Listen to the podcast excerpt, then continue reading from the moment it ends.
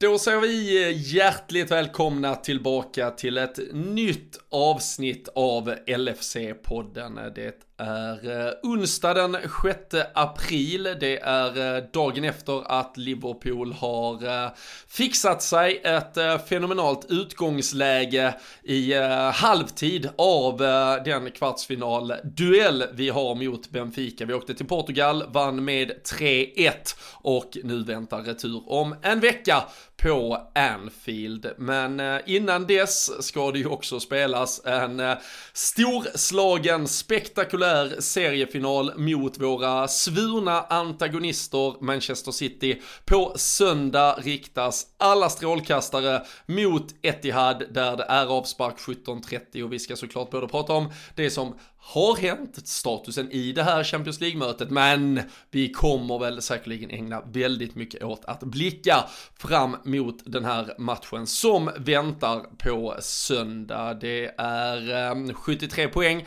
för Manchester City, 72 för Liverpool, men en seger skulle ju ändra maktförhållandena eh, i den där toppen om nu Liverpool hade kunnat mäkta med tre poäng. Så eh, ja, vi lär återkomma, vi ska prata väldigt mycket om det, men innan vi snurrar igång avsnittet så vill vi såklart pusha för Storträff Syd. Detta eh, ständigt återkommande jävla spektakel som Malmöiterna håller på med, men vi har ju alltid väldigt, väldigt roligt när vi samlas på O'Larrys entré här i Malmö. Vi hade ju en eh, stor, eh, stor härlig träff i höstas när Jamie Webster var på besök. Nu, eh, ja, men nu bara samlar vi oss själva gör en riktig jävla häftig kväll av något. Vi har ju fått liksom öppet mål känns det som när man har planerat Liverpool-Tottenham den 7 maj till lördag 20.45. Det är um, inte samling redan klockan 12 som vi har haft vissa gånger. Då vet jag i alla fall vissa som inte hade varit vakna till matchen. Men uh, vid 17.30 öppnar vi dörrarna så finns det möjlighet för uh, bowling, burgare, öl, allt möjligt. Är man medlem i den svenska svenska supporterklubben. Ni hittar ju den på lfc.se så kostar det bara 299 spänn. Då ingår alltså både mat, öl och bowling till eh, det här priset. Och så ser vi då matchen tillsammans. Vi har ett par hundra platser. Jag vet att det har gått eh, dryga hundra redan här under första dygnet. Så vill man säkra sin plats, gå in på lfc.se, läs mer om hur man anmäler sig till Storträff Syd, säkra din plats och så ses vi den 7 maj på O'Larrys i Malmö. Men eh, nu ska ni som vanligt bara luta er tillbaka och njuta av ännu ett avsnitt av LFC-podden.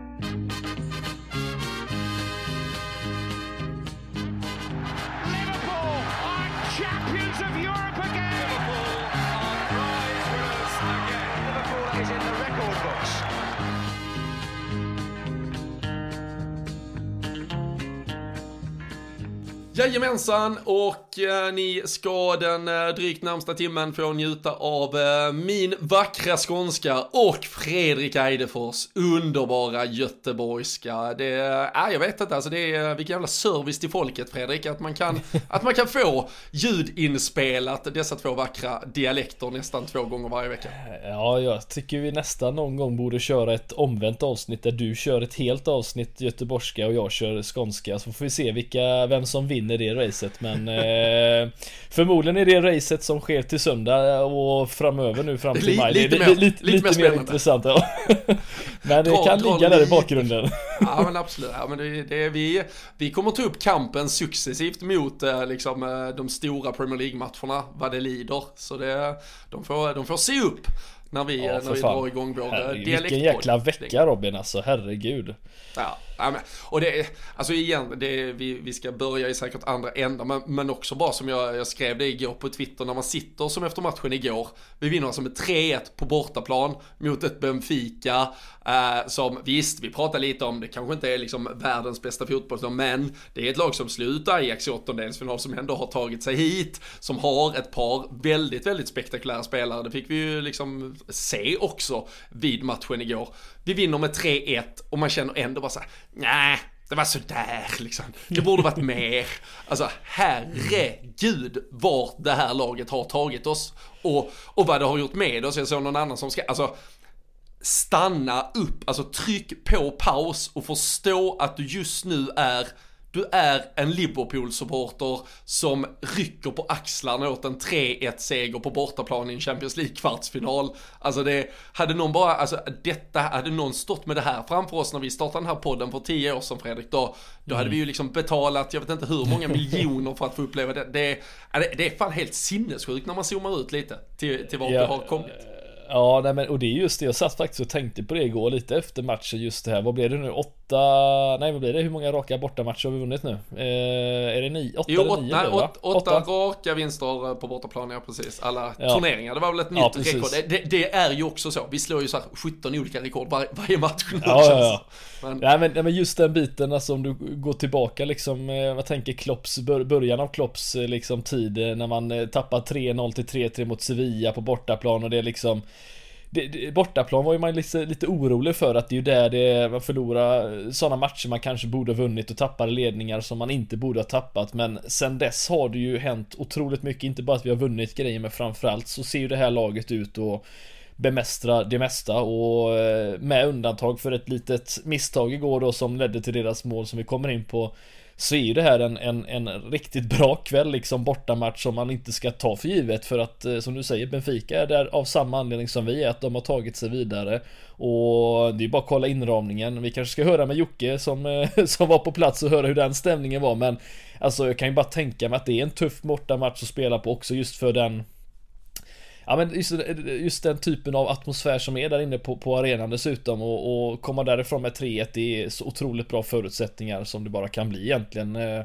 Så ja. nej, det Ja, det finns mycket att säga om, om det här men det är otroligt bra förutsättningar, det så är det verkligen Ja, ja och, och som sagt, alltså, man kan ju man kan, man kan vara lite besviken då att vi inte vann med 5-6-0 för det. Ja. Det, fanns ju, det fanns ju fog för att vi hade kunnat göra, men, men det är också liksom, det är egentligen för sjukt att kunna vara, alltså att tänka att så ens skulle vara fallet i en Champions League-kvartsfinal. Så det, nej, vi, vi får ju såklart max ut eh, det, alltså vi, vi måste ju bara vara jättenöjda med, med det resultatet vi får med oss och sen, sen tycker jag också kan, jag, jag har kanske viss förståelse, alltså den dippen som kommer. Vi går ändå till halvtidsvila med 2-0, känner att vi kanske borde ha gjort både 3 och 4-0. Vi vet att vi har den här Manchester City-fighten som väntar 4-5 dagar längre fram och det är klart att det finns någon procents sparlåga man kanske aktiverar när man går in i den andra halvleken. Och sen, sen såklart så gör ju liksom Benfica det bra och sköljer över oss lite med, med får lite ny energi från fansen. Det är klart det är misstag som leder till målet. Eh, det, det, vi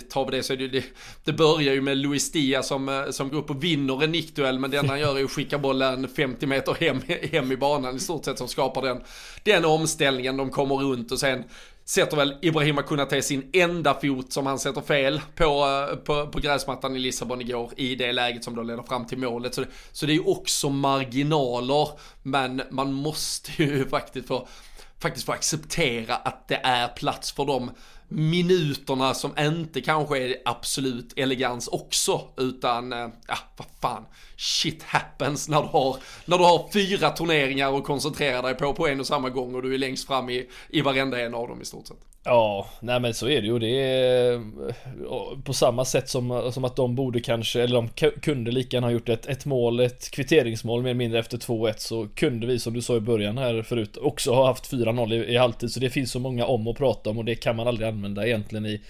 fotbollssammanhang för det går liksom inte ihop utan jag tycker vi ska vara nöjda helt enkelt och konstatera att, att med då fokus på en otroligt stor match ytterligare då till, till helgen så med de förutsättningarna så löste vi det ju fantastiskt bra och dessutom så jag vet inte vad du tycker om, om, om bytena i sig men alltså Vi var ju första gången vi fick se de här tre mittfältarna exempelvis mm. starta som vi ska diskutera med och, och sen eh, det omvända vägen då att byta in en Henderson och byta in dem i situationstecken, jag kallar dem lite mer osexiga spelarna i slutändan så på mittfältet så blir det ju just att det vände ju till det positiva att vi drog ju ner Benfica i slutändan och de eh, var inte lika farliga därefter så att jag tycker att det var mycket som man ska vara nöjd med faktiskt efter den här matchen. Inte bara att vi vinner utan att vi eh, som sagt hanterar en, en, en svår match på, på, på flera sätt egentligen. Ja, äh, så är det verkligen och vi ska, vi ska, vi ska backa bandet och gå igenom äh, mycket av matchen. Äh, jag tänker bara för att återkoppla till det jag inledde med i introt. Jag satt jag faktiskt bara för några dagar sedan tillsammans med Daniel Forsell och klagade på eh, organisationen och spelschemat som då att man hade lagt City-matchen på, på söndag när de kanske hade kunnat lägga på lördagen för det hade ju till och med varit då fyra dagar plus minus både på inför och efter de här Champions League-matcherna. Men sen direkt efter vi har spelat in, då kommer de och ger mig Liverpool-Tottenham 20.45 lördag den 7 maj. Alltså de, nu, nu har vi Klopp som lyssnar, alltså vi har spelare som lyssnar och nu sitter gubbar, pampar, Tänk om vi får Mike Riley till att lyssna också, så dumma förbundet får någon jävla ordning. Men alltså, Nej, nej 2044. Det är alltså omgång, det är tredje sista matchen för säsongen, lördag kväll. Herre jävlar. Alltså, äh, O'Larrys de får ju se till att försäkra er för fan innan vi, vi släpper loss där på storträffen. Ja herregud vilka, ja. Jag vill inte, jag vill inte gå så långt fram ens nästan för jag, det är bara jobbigt att tänka på vad som kan, det, det vad, det kan, vad som kan hända den kvällen men eh, Ja herregud, det är mycket, mycket att spela om till dess men ja de eh, Får vi även domarna att lyssna så eh, Absolut så kan det bli bättre. Du ska vi faktiskt tillägga eh, en grej och det måste jag vara väldigt tydlig med att säga att vi Vi ska säkert prata om, om domarkåren lite under det här avsnittet också inför City-matchen men jag måste säga att igår var ju den perfekta matchen sa jag i form av, ja men 3-1 hela den biten. Det var också den perfekta eh, domarinsatsen i form av att det var fan ingen lättlurad jävel som dömde den matchen kan jag säga. För jag tyckte var... han var fantastisk. Helt otroligt! En, en, engelsk domare hade gett både straff till Darwin två gånger förmodligen och dessutom två frisparkar i farligt läge och så gula kort och röda kort, allt möjligt. Men eh, det måste vi faktiskt hylla den här kvällen tycker jag och att den domaren, han gick inte på den lätta och det var han är, han är skicklig Darwin Nunes måste vi säga men han var också, fy fan vad han slängde sig. Och det var, det var gött att se att han inte föll för dem eh, de, de, den delen faktiskt. För det, det, sånt förstörs otroligt mycket. Så det, det, det, får vi ändå hylla domaren. Nu glömde jag vad han hette. Men eh, hylla honom hela avsnittet tycker jag. Ja, ja men det, det, ska vi absolut göra. Vi ska väl bara passa på det. Så att, man, även om man, eh, man knappt vill våga tänka så långt fram till vad som händer om en eh, ganska exakt då, en månad den, eh, den 7 maj. Vill man vara med, vill man i alla fall ha möjligheten att vara med när det väl då kanske, det kanske inte avgörs, men vi kan ändå vara mitt inne liksom i stormens öga kring den här säsongsavslutningen och vara med där eh, i Malmö på eh, Stor Syd så, så lär det vara eh, nu i dagarna man ska säkra sin biljett. Så, så surfa in på lfc.se i så fall, klicka fram till Stor Syd. Vi har delat det på våra sociala medier också. Det ligger uppe på patreon.com med ifall man vill läsa mer och anmäla sig. Så, så gör det. Men eh, nej, jag tycker, precis som du är inne på, alltså domaren, jag tycker han gör en så, så jävla bra match. Jag tycker han är snabbt fram och pratar liksom med rätt person. Till exempel där som där den situationen där uh, Nunez uh, slänger sig när det är uh, van Dijk, han vänder bort och liksom mm. van Dijk har armen uppe så här liksom.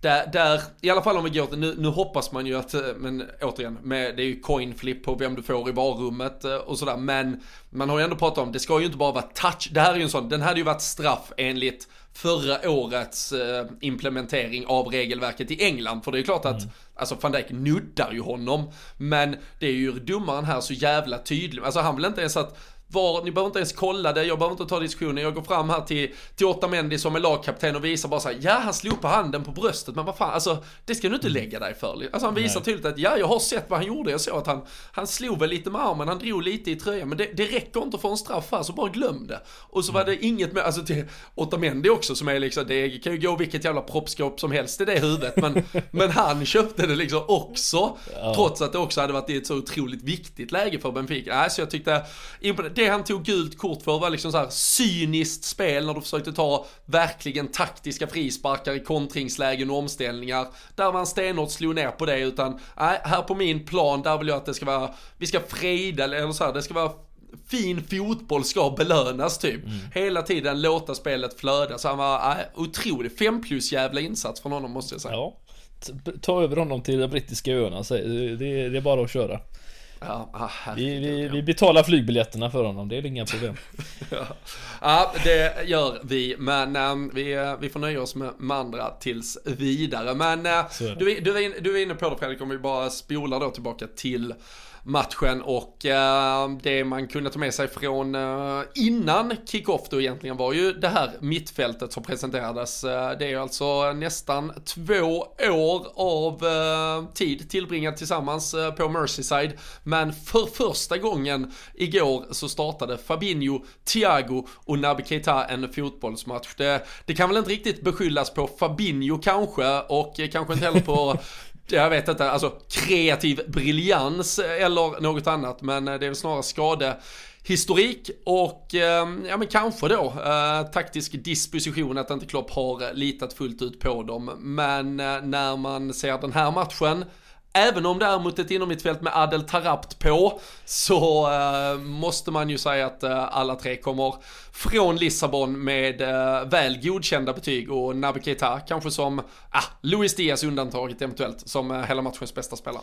Ja, alltså Keita är ju ett mysterium i sig. Alltså det, när han väl spelar så gör han ju så otroligt bra ifrån sig och står ju för så otroligt mycket. Han är ju duktig på att följa med upp i, i anfallet också och, och med lite tur så gör han ju flera poäng under en säsong mer än vad han gör nu och det är bara det är jättekul att säga. Sen nu som du säger att, att en Thiago och Keita, det är ju de två som liksom drar ner den här möjligheten att få spela tillsammans med, med, Thiago, med Fabinho just för att de är skadade så ofta och Fabinho han är ju alltid där men eh, Ja, alltså det är ju fantastiskt skönt för det första att få se dem spela tillsammans för jag tror att varenda Liverpool-supporter så har ju nog någon gång suttit och förnulat på den här lösningen vad det kan innebära för det är ju egentligen Ja men de tre bättre komplementspelarna för varandra i slutändan. Visst, Keita är ju också kreativ precis som Thiago men Just att Keita är så duktig att följa med upp trots att han inte är så jäkla stor liksom i kroppen. Han, han smyger in där smidigt och, och, och, dyker upp på platser han inte borde vara i slutändan tänkte jag säga och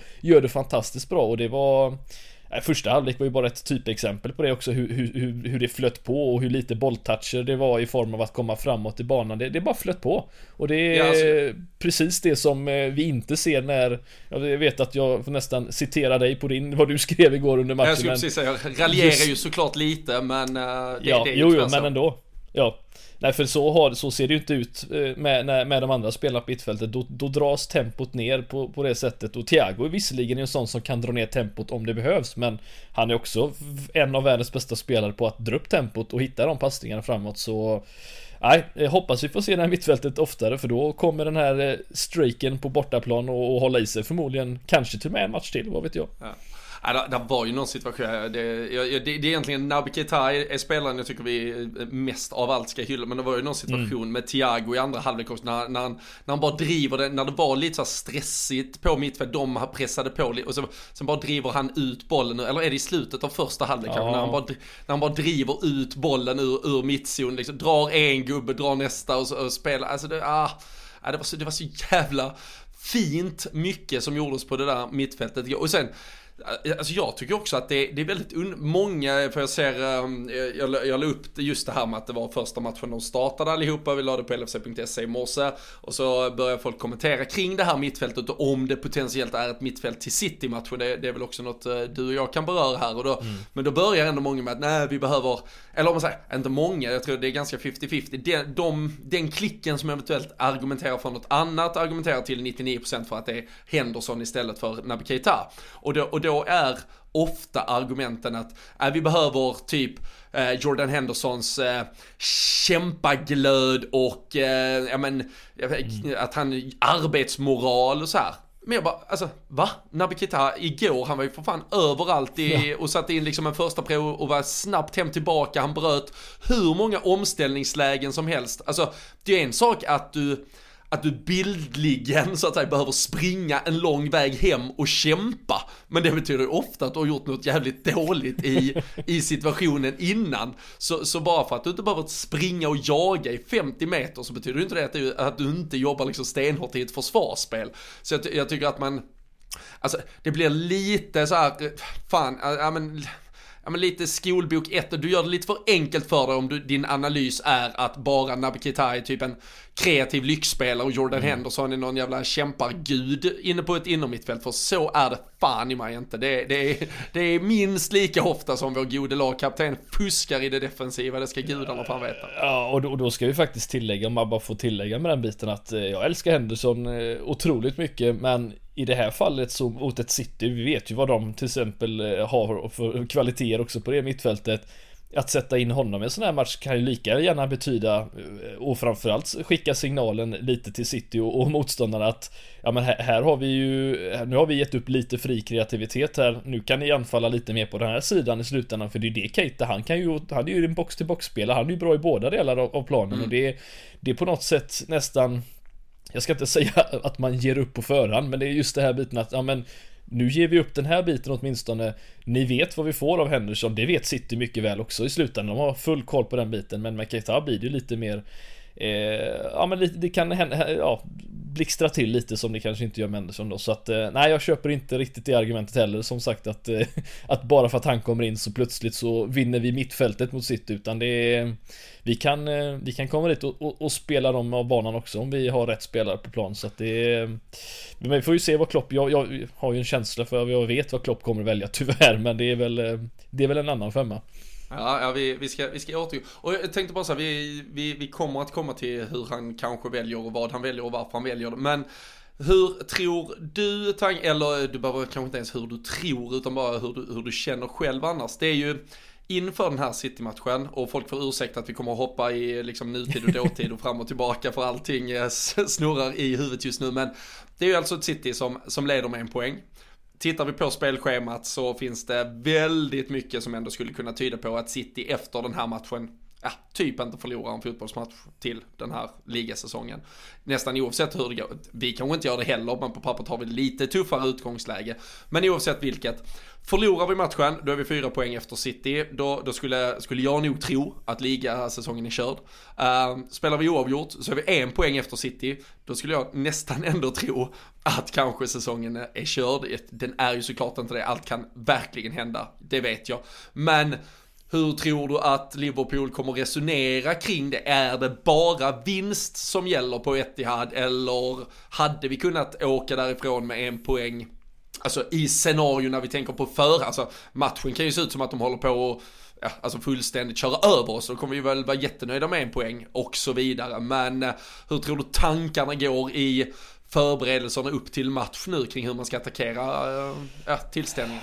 Alltså jag, jag tror att allt allt utom en förlust är vad de siktar på. Alltså det, och det gör man väl alltid såklart. Men förstår du vad jag menar? Alltså det, ett, ett kryss är, är eh, på förhand skulle jag säga otroligt eh, gynnbart på ett sätt för att eh, även om jag håller med att City mycket väl kan gå rent de här matcherna men de har svajat till det och kan mycket väl gå en match som de gjorde mot eh, Palace var det väl när det blev eh, mållöst exempelvis. Alltså det är ju det kan hända, så att så länge vi inte förlorar då, då, då är vi med i, i, spelet. Men vi ska ju då upp mot Tottenham, vi har United, vi har ett Everton i all ära Som sagt, oavsett ett derby. Det, det är svåra motstånd vi, vi har framför oss och City kommer förmodligen gå, kunna gå rent därefter så jag, jag skulle inte alls bli förvånad om, om man liksom siktar på att faktiskt bara kryssa den här matchen och se vad man kan få med sig istället för att... Men då hoppas jag, hoppas, alltså du kan ju inte safea mot City För de kommer att straffa dig i slutändan, det är det som är nackdelen så det såg vi bara igår med. Eh, ganska ja, precis, alltså, också.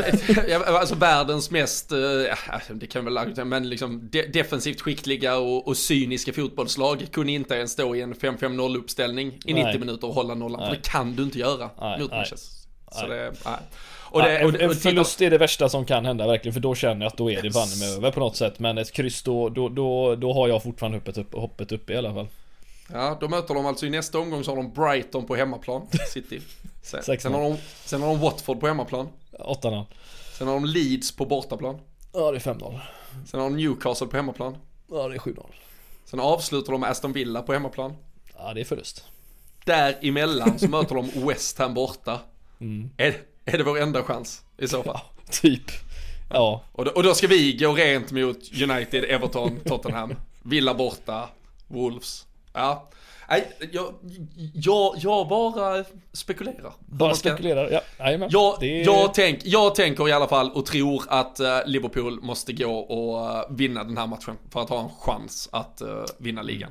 Jag, jag tror, och med tanke på att vi faktiskt sitter i lite förarsäte vad gäller målskillnad så skulle ju faktiskt en seger för oss allt annat lika, nu, nu hörde ni ju spelschemat och vi hörde dig rabbla 8-0 segrar och 6-0 segrar, så det kan ju mycket väl vara att de, att de går förbi på målskillnad ändå, men annars så skulle vi ju faktiskt kunna kosta på oss att spela ett kryss under de avslutande matcherna ifall vi besegrar mm. City och ändå mm. vinna utifrån målskillnaden just nu. Men ja, ja vi, vi får se. Jag tänker att vi bara får plocka ett par uh, rubriker och uh, prestationer från uh, Lissabon innan vi stänger igen det där. Ibrahima Konatés första kvart, Fredrik. han fick förtroende, Matip behövde lite vila. Han satte väl tre Benfica-spelare i backen. Det var antingen bommen eller benet eller röven höll jag på att säga. Men någonting skickade han iväg dem med och sen eh, tryckte han in 1-0 själv också.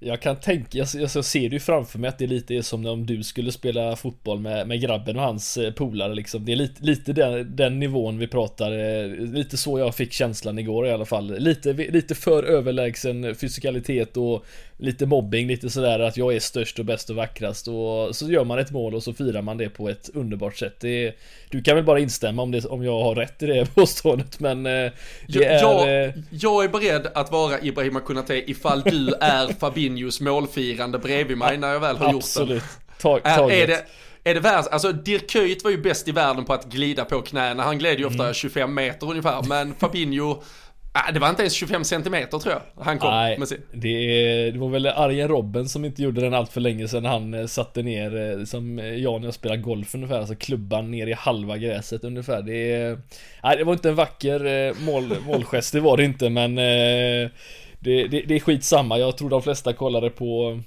på Konates eh, ja, första mål blev det ju till och med. Eh, sjukt att han gjort mål före Gomes men eh, ja. det, Och aldrig någonsin har vi förlorat när Ibrahim Konate spelar.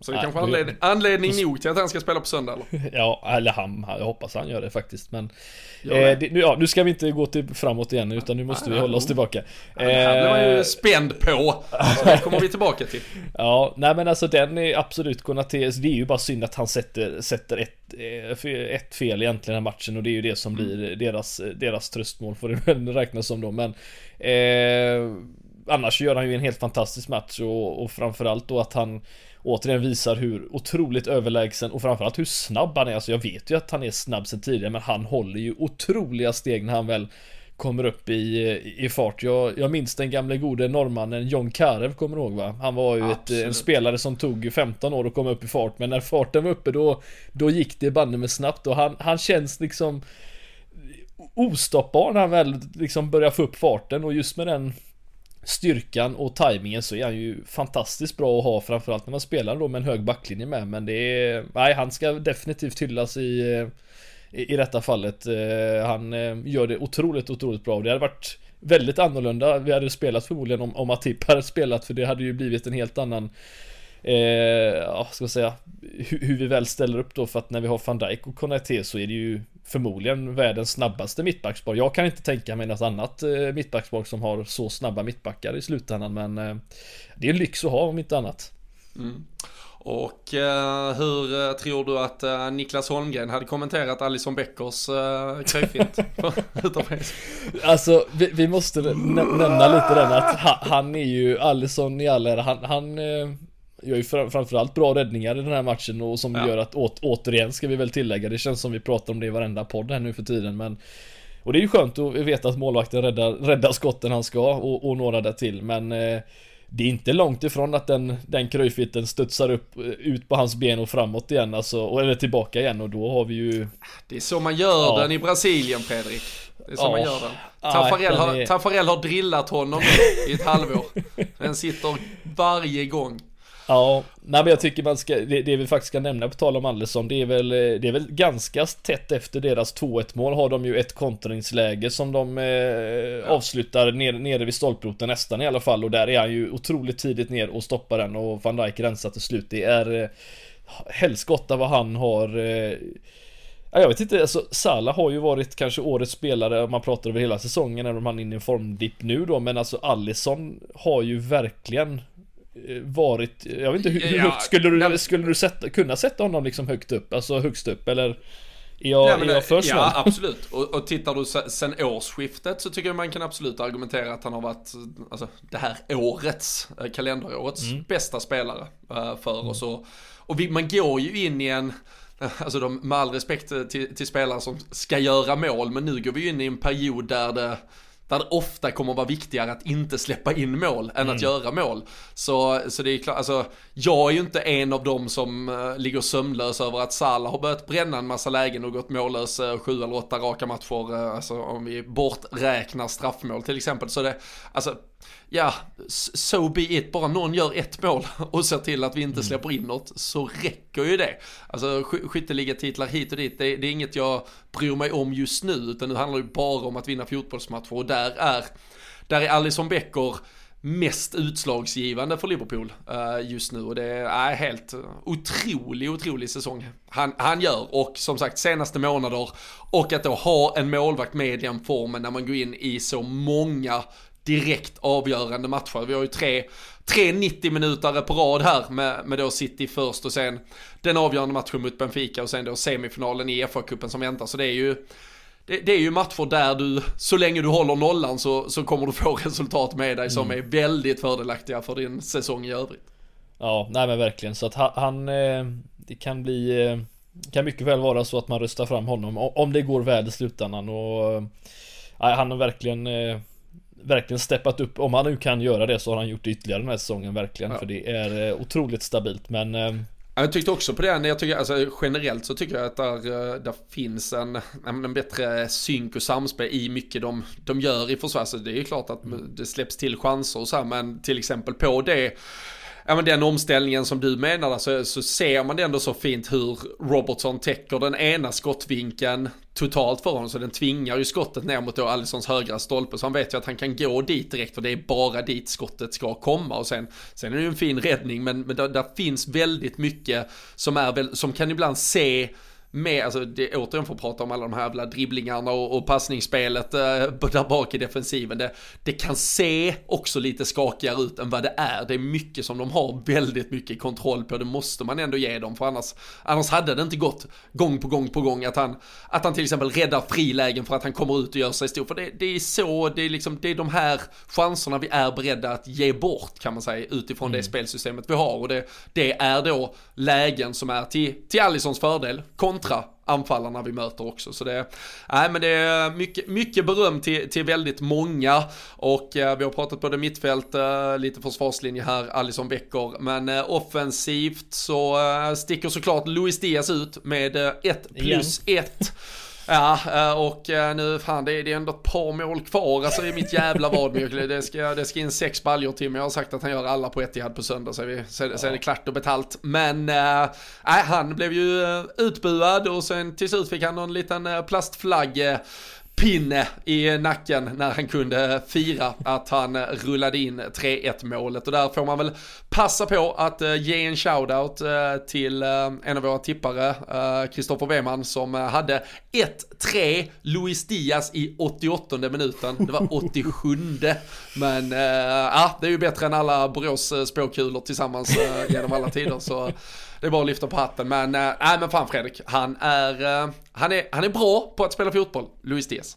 Ja det är han. Eh, och med, med, även om han vinner nickdueller som går åt fel håll så får man ändå säga att han han har ju visat att han är komplett på många sätt och vis och tycker inte minst alltså man ska, alltså målet ska man ju framförallt nämna så att nu blev det ju turligt som bollen studsar fram till honom. Det, det såg inte jag faktiskt förrän reprisen där på hans mål att Keitas passning fick en liten en fördelaktig touch av Otamendi tror jag det var väl som, så mm. att den gick just i djupled sådär fint men han är ju otroligt rapp i, det första steget, kommer runt målvakten och gör mål. Men jag tycker att det man ska nämna är ju faktiskt assisten på ja. till, till Manés mål och, och Trents passning, ja den behöver vi inte syna ja, längre. Ja, för det vet ja. vi liksom. det, Nej, alltså jag... Han är världens bästa liksom eh, quarterback liksom, om man ska prata det språket. Det, det är som precision och, och liksom kvalitet i den passningen så jag vet inte vad jag ska ta vägen. Och, och att han bara liksom det är inte som på en frispark där du hinner tänka liksom mellan, ja, upp till 15-20 sekunder på vad du ska göra utan det, det liksom faller så naturligt för honom att dra den passningen. Jo det sjuka egentligen, för, och det sjuka så, det, och det är ju såklart mitt, eh, mitt mediokra fotbollsöga i förhållande till Trents. Det, jag, ska, ska verkligen reservera mig för att uttala mig i, i sådana frågor egentligen. Men Alltså Mané tar ju, tar ju den första löpningen om man säger, alltså det, det är egentligen, alltså hade, hade nio av tio andra fotbollsspelare varit Trent så tror jag de hade letat efter Mané med sin mm. första pass istället. Men han tänker ju steg, för han sätter ju inte, han sätter ju inte Luis Diaz i ett avslutsläge utan han sätter Luis Diaz i läget för att sen prispela Sadio Mané för att det var ett enklare sätt än att försöka frispela Sadio Mané direkt. Så det är Ja, det är, det, det är next level och ja, det är, ja, det, det är brutalt. Här går han in då efter tre, fyra veckors uh, ska, ska, ska, lite skadeproblematik och så, ja. ja, så dominerar han spelplanen igen på det sättet. Ja, nej men det är ju makalöst. Och, just den biten att nu, nu ska jag inte lägga liksom någon, eh, något hat på Salah i det här fallet som, eh, för han var inte ens inblandad i situationen, men just att Diaz faktiskt sätter den, han tar inte ner den och försöker gå på eget avslut, utan han, han hittar den på Mané direkt. Det är liksom ingen, ingen tvekan om att det är dit den ska. Och sätter upp sitt lag egentligen för den bästa förutsättningen. Det är ju, det är ju en spelare i, i form med otroligt självförtroende just nu som gör de här rätta besluten och du sa att du inte brydde dig lite om, om att Salah inte kanske gör lika många mål och jag håller med dig. Det är klart att vinner vi de här matcherna på det här sättet så skiter jag om det är Salah eller Mané eller Diaz som gör målen men det som jag är lite orolig över med honom just nu det är att det är så mycket som pågår kring Salah och framförallt att ja men de här förlusterna i med afrikanska mästerskapen och allt det där det har ju förmodligen satt några spår i honom också och jag jag vet inte om man ska vara lite orolig överhuvudtaget eller om det här bara är en liten Jag säger inte att han, att han är dippar ner nu och kommer bli en, en, en, en, en GOG liksom i kvalitet utan eh, Det var den bästa jämförelse jag kunde tänka på för övrigt ja, det, det, det, det, jag, det jag tycker är så tydligt i detta Det är att det är Alltså det, det är sista, sista touchen som, mm. som inte är där För han Hans, är han trött? Alltså, tror du att det är en bit? Eller tror du just nej, att det är så mycket runt omkring honom? Ja men, men mentalt trött så är alltså han är säkert fysiskt trött. Jag vet inte, han har väl redan spelat närmare 50 matcher ja, den här säsongen. Och nu, nu är ju både, både han och Sadio Mané, de brukar i alla fall, eh, normalt vet jag att de alltid fastar så jag utgår ifrån att de, eh, de gör det just nu också. Och, ehm, och det, ja, jag, jag kan inte de exakta fysiologiska påverkans ja, vad, det, vad det eventuellt påverkar på kroppen. Vi vet ju att de här två är båda två liksom fysiska eh, dupraktexemplar i stort sett. Så de, de kommer säkert hantera det bra. Men, men det är klart att allting har varit på Klopp var ute och pratade om att den här kontraktssituationen såklart också har påverkat honom. Han har ju mm. uppenbarligen en, en agent och eh, rådgivare som inte heller vet hur man eh, ja, men lägger, lägger lite locket på och, och skapar ett lugn utan eh, han står ju redo med vilket jävla vedträ som helst att kasta in i brasan när, när chansen ges och nu nu verkar ju alla uppgifter tyda på, det, det var ju de här söndagsuppgifterna som, som vi diskuterade senast, men om man följer upp på det så, så har det varit ganska många rapporter om att ja men Salah kanske ändå, om man säger, eller Salah, inte Salah egentligen, men att hans rådgivare, att de då är beredda att ge lite vika på vissa, vissa krav som har varit där tidigare. Och det, jag, jag kan ju också känna att det blir lite, alltså jag tycker inte heller att Liverpool ska tro att de sitter med någon trumf på hand och använder app, app, app, app, app, inget mål på sju matcher, nu blir det mm. inte den där lönen du försöker, alltså, ho, jag har varit bäst i fem år, det, det är den lönen jag ska, ska lite få samtidigt som det såklart ska finnas en förutsättning för att du kommer fortsätta vara bra. Vi ska inte bara betala någon för lång och trogen tjänst men Nej, jag, jag hoppas, alltså, jo, jag tycker så länge, så länge han ändå spelar sig fram till lägen, spelar fram andra till lägen, en del av det. Jag, jag vet, vi har återkommit till det förr också, det, det är också en så stor gest. Sätt ut Mohamed Salah på en fotbollsplan så vet du att du har minst en och ofta två spelare som måste vara helt upptagna med att ha full mm. koll på vad han ska göra. City vågar inte gå lika högt men om de spelar en Cancelo på den kan de brukar väl i och för sig spela, jag tycker de brukar spela Sinchenko faktiskt mot, uh, mot oss på vänsterkanten men uh, vet inte alls hur de kommer agera. Men Mohamed Salah på planen kommer påverka hur de agerar i alla fall, det vet jag. Och det kommer att öppna luckor för andra så äh, bara, bara spela på. Och jag jag tror, jag tycker, jag hoppas att eh, den, eh, både mittfält och anfall som vi såg mot Benfica hade jag startat mot Manchester City på söndag. Om Klopp gör samma, vet ej. Jag tror ju att Jordan Henderson går in. Sen tror jag att Matip går in i mittförsvaret. Men annars eh, tror jag nog också att det är startelvan vi åker till Etihad med. Ja, och då är det jag visserligen rätt nöjd med i sig, men jag tror väl precis som du att, eh, att, att, att han går på Just att, att Henderson ska in och Matip Matip bryr mig inte lika mycket om på det sättet Men jag hoppas verkligen att samma mittfält ska få spela för det är eh, Vi kan skada City otroligt om vi kan, kan ha de spelarna på planen samtidigt. Det, Så är det verkligen så att eh, Ja vi får se. Det är några nervösa dagar fram tills dess kanske.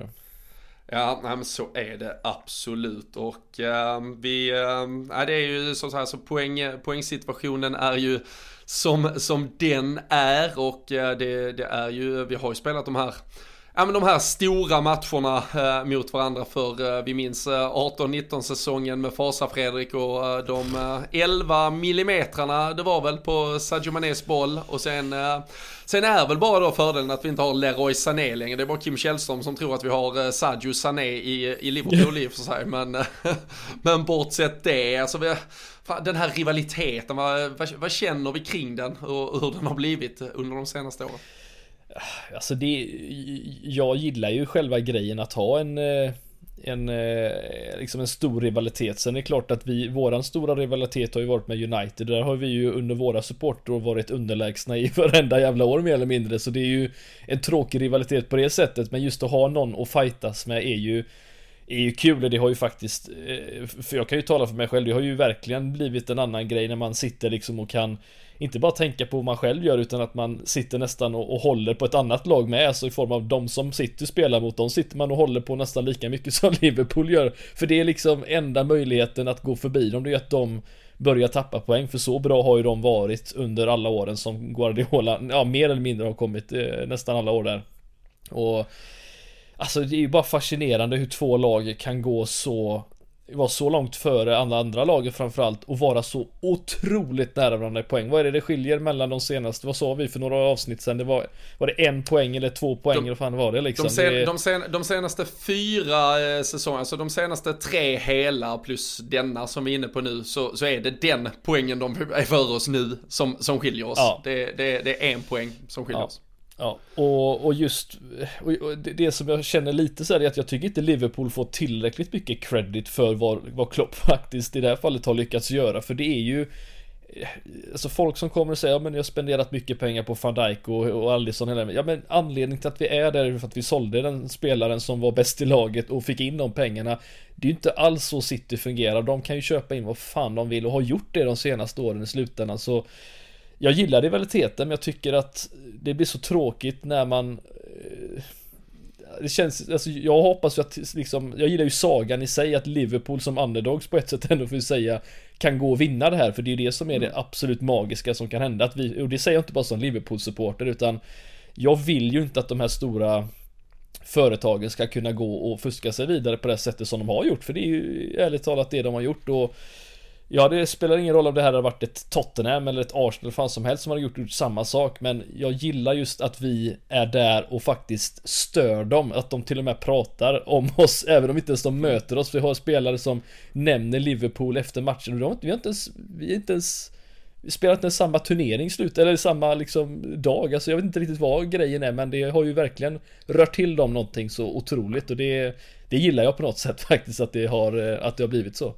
Ja, och jag, jag, tycker jag kan väl eh, kan passa på lite, lite oblygt eh, puffa för en, eh, vi har gjort en jättestor jämförelse just med för man pratar så mycket om, jag menar, just City och Liverpool som nästan the big two i, i England som, som gör upp om den här tiden. Och, och man pratar lite som att ja, vinner inte de så, så är det dåligt, alltså den, den som inte vinner är, det är lite av en besvikelse. Men, men man måste fan förstå, så, lite som du är inne på, att det är helt olika förutsättningar. Alltså det är egentligen helt sinnessjukt att vi har den här täta konkurrenssituationen mot ett Manchester City. Vi, vi har brutit ner de flesta siffrorna om man tittar på till exempel lönekostnad för Innevarande säsong så eh, betalar eh, City 355 miljoner pund medan Liverpool betalar 314 miljoner pund. Det är bara fjärde mest i, eh, i Premier League.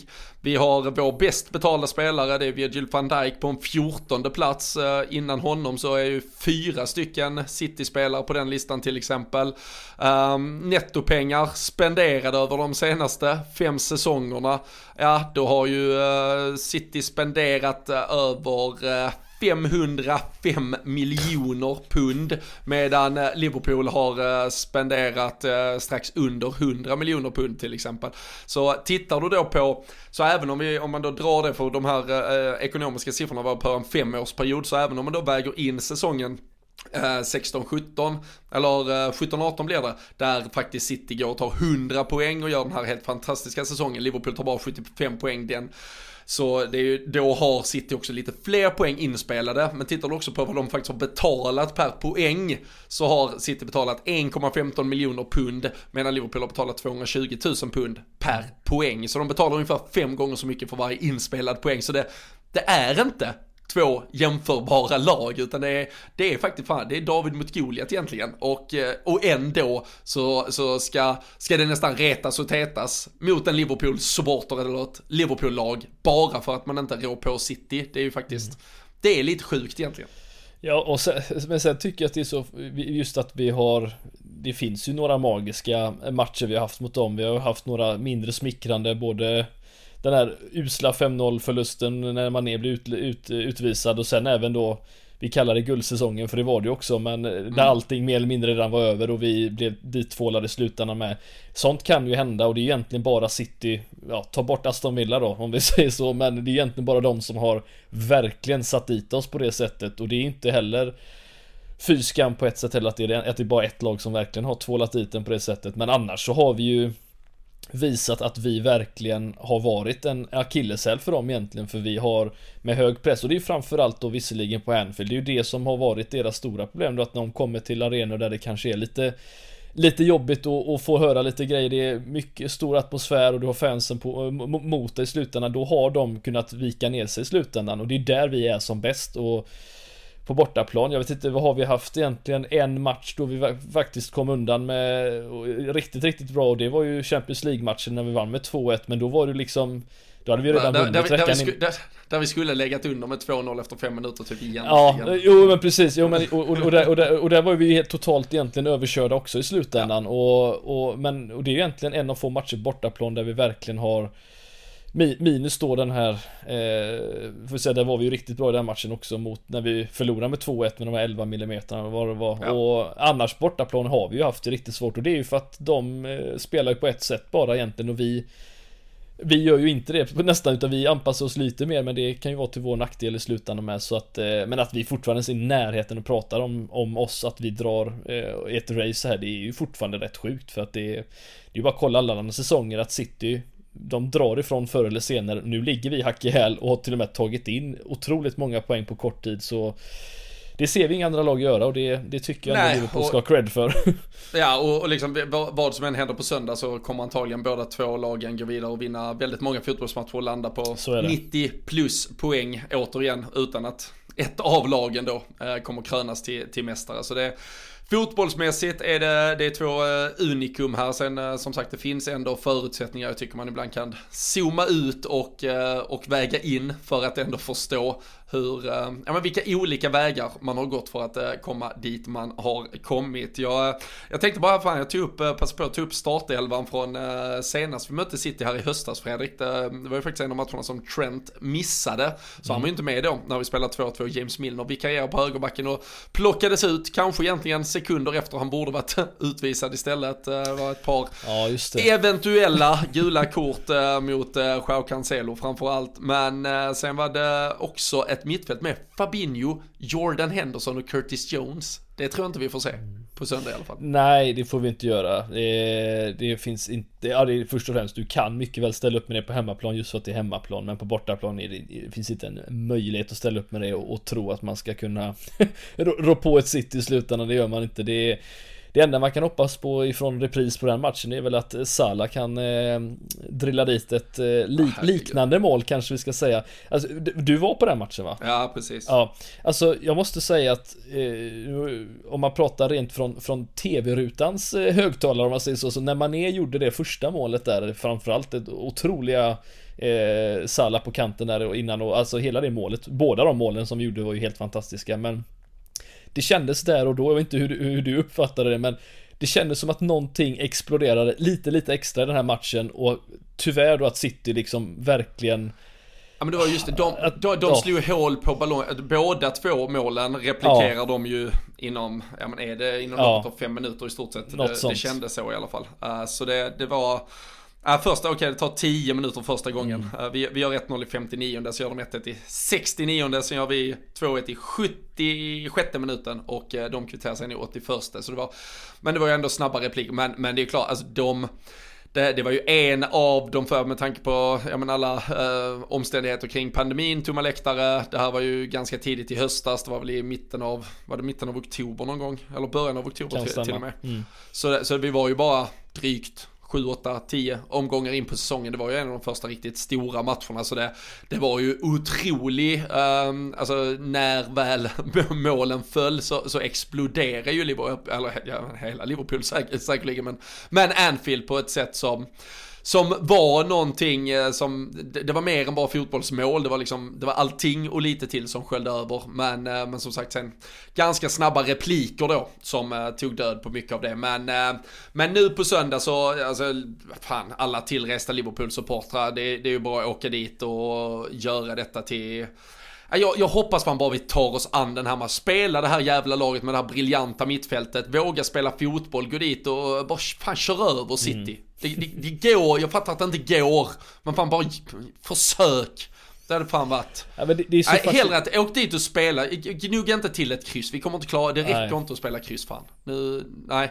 Nu, men det, det, är så fascinerande att det här City-laget då som vi, som vi möter, som vi på bortaplan då har varit, eh, inte varit särskilt bra mot. Alltså de har ju haft otroliga problem mot, på bortaplan, eller hemmaplan mot exempelvis ett United då som, de kommer ju aldrig dit är liksom överlägsna utan de bara liksom, jag vet inte vad det är de gör de gångerna de har slått dem på näsan och, och, och förstört för dem men jag hoppas som du säger att vi kan komma dit på, på något sätt och verkligen Ja men inte, inte turligt få någon straff utan verkligen spela det vi har gjort. Spela så som vi gjorde mot Benfica i första halvlek. Om det går på något sätt att spela med den intensiviteten och verkligen eh, ja, men bara, bara överraska dem på något sätt. Jag vet inte vad jag ska säga mer. Nej men alltså för, att, ja. första, halv, första halvtimmen i Liso, alltså jag var ju svettig i soffan för fan av att se tempot. ja. jag, jag, hade mer, jag hade mer puls eh, de 30 jag någonsin haft när jag själv har varit ute och sprungit liksom. Det ja. Jävlar vad det, mm. alltså det, det ringde åt både höger och vänster hela tiden kändes det som liksom. Det var ja. helvete. Ja, nej, nej ut och kör kan, på söndag. Ja, kör, kör. bara. Är det vårat, ja. Eh, det vi vill få ut? Ja, kör! kör. Så är det. För ja. några straffar eh, som kommer avgöra Fredrik, det, det tror jag inte. Oh. Inte i vår favör i alla fall. Nej, nej precis. Det, det, blir ju åt andra hållet då. Alltså det är, jag, jag, vet, jag vill helt inte ens prata om de här jävla, men alltså det är ju. Nej, jag, och, och jag, jag har, jag, jag lovade ju på sociala medier i söndags i ett svagt ögonblick att jag inte skulle klaga på den engelska domarkåren efter att ha sett några italienska men... domare som hade sin egen Men, så därför kommer jag inte, än så länge kommer jag inte klaga på domarna. Men jag kommer klaga på domarorganisationen och Mike Riley. För du har ändå 10-15 domare att välja på i Premier League. Vill du välja den bästa fotbollsdomaren till den absolut bästa och största fotbollsmatchen som har spelats i ditt förbannade jävla land på typ fem års tid.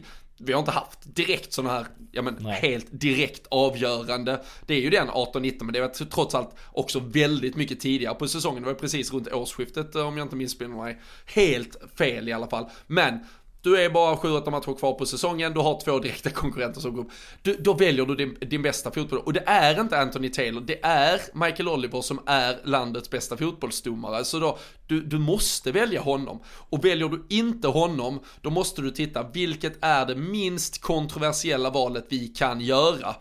Då väljer du inte Anthony Taylor som är född och uppväxt i Salford i Manchesterområdet. Um, eller det är nog Paul Tierney som är från Salford, mm. jag bara saker. Båda är från Greater Manchester i alla fall. Och du väljer för fan inte Paul Tierney som är den som struntar i att ge rött kort till Harry Kane, sen ger ett rött kort till Andy Robertson. Det må vara rätt, men hur han hanterar sitt varum den matchen. Där är till och med en situation efter matchen där Jürgen Klopp går ut och liksom säger till honom, jag har inte problem med någon annan domare i den här ligan, tyvärr jag har bara problem med dig. Varje gång du dömer, jag har problem med dig. Det är liksom virala bilder som varenda jävel såklart har tagit del av.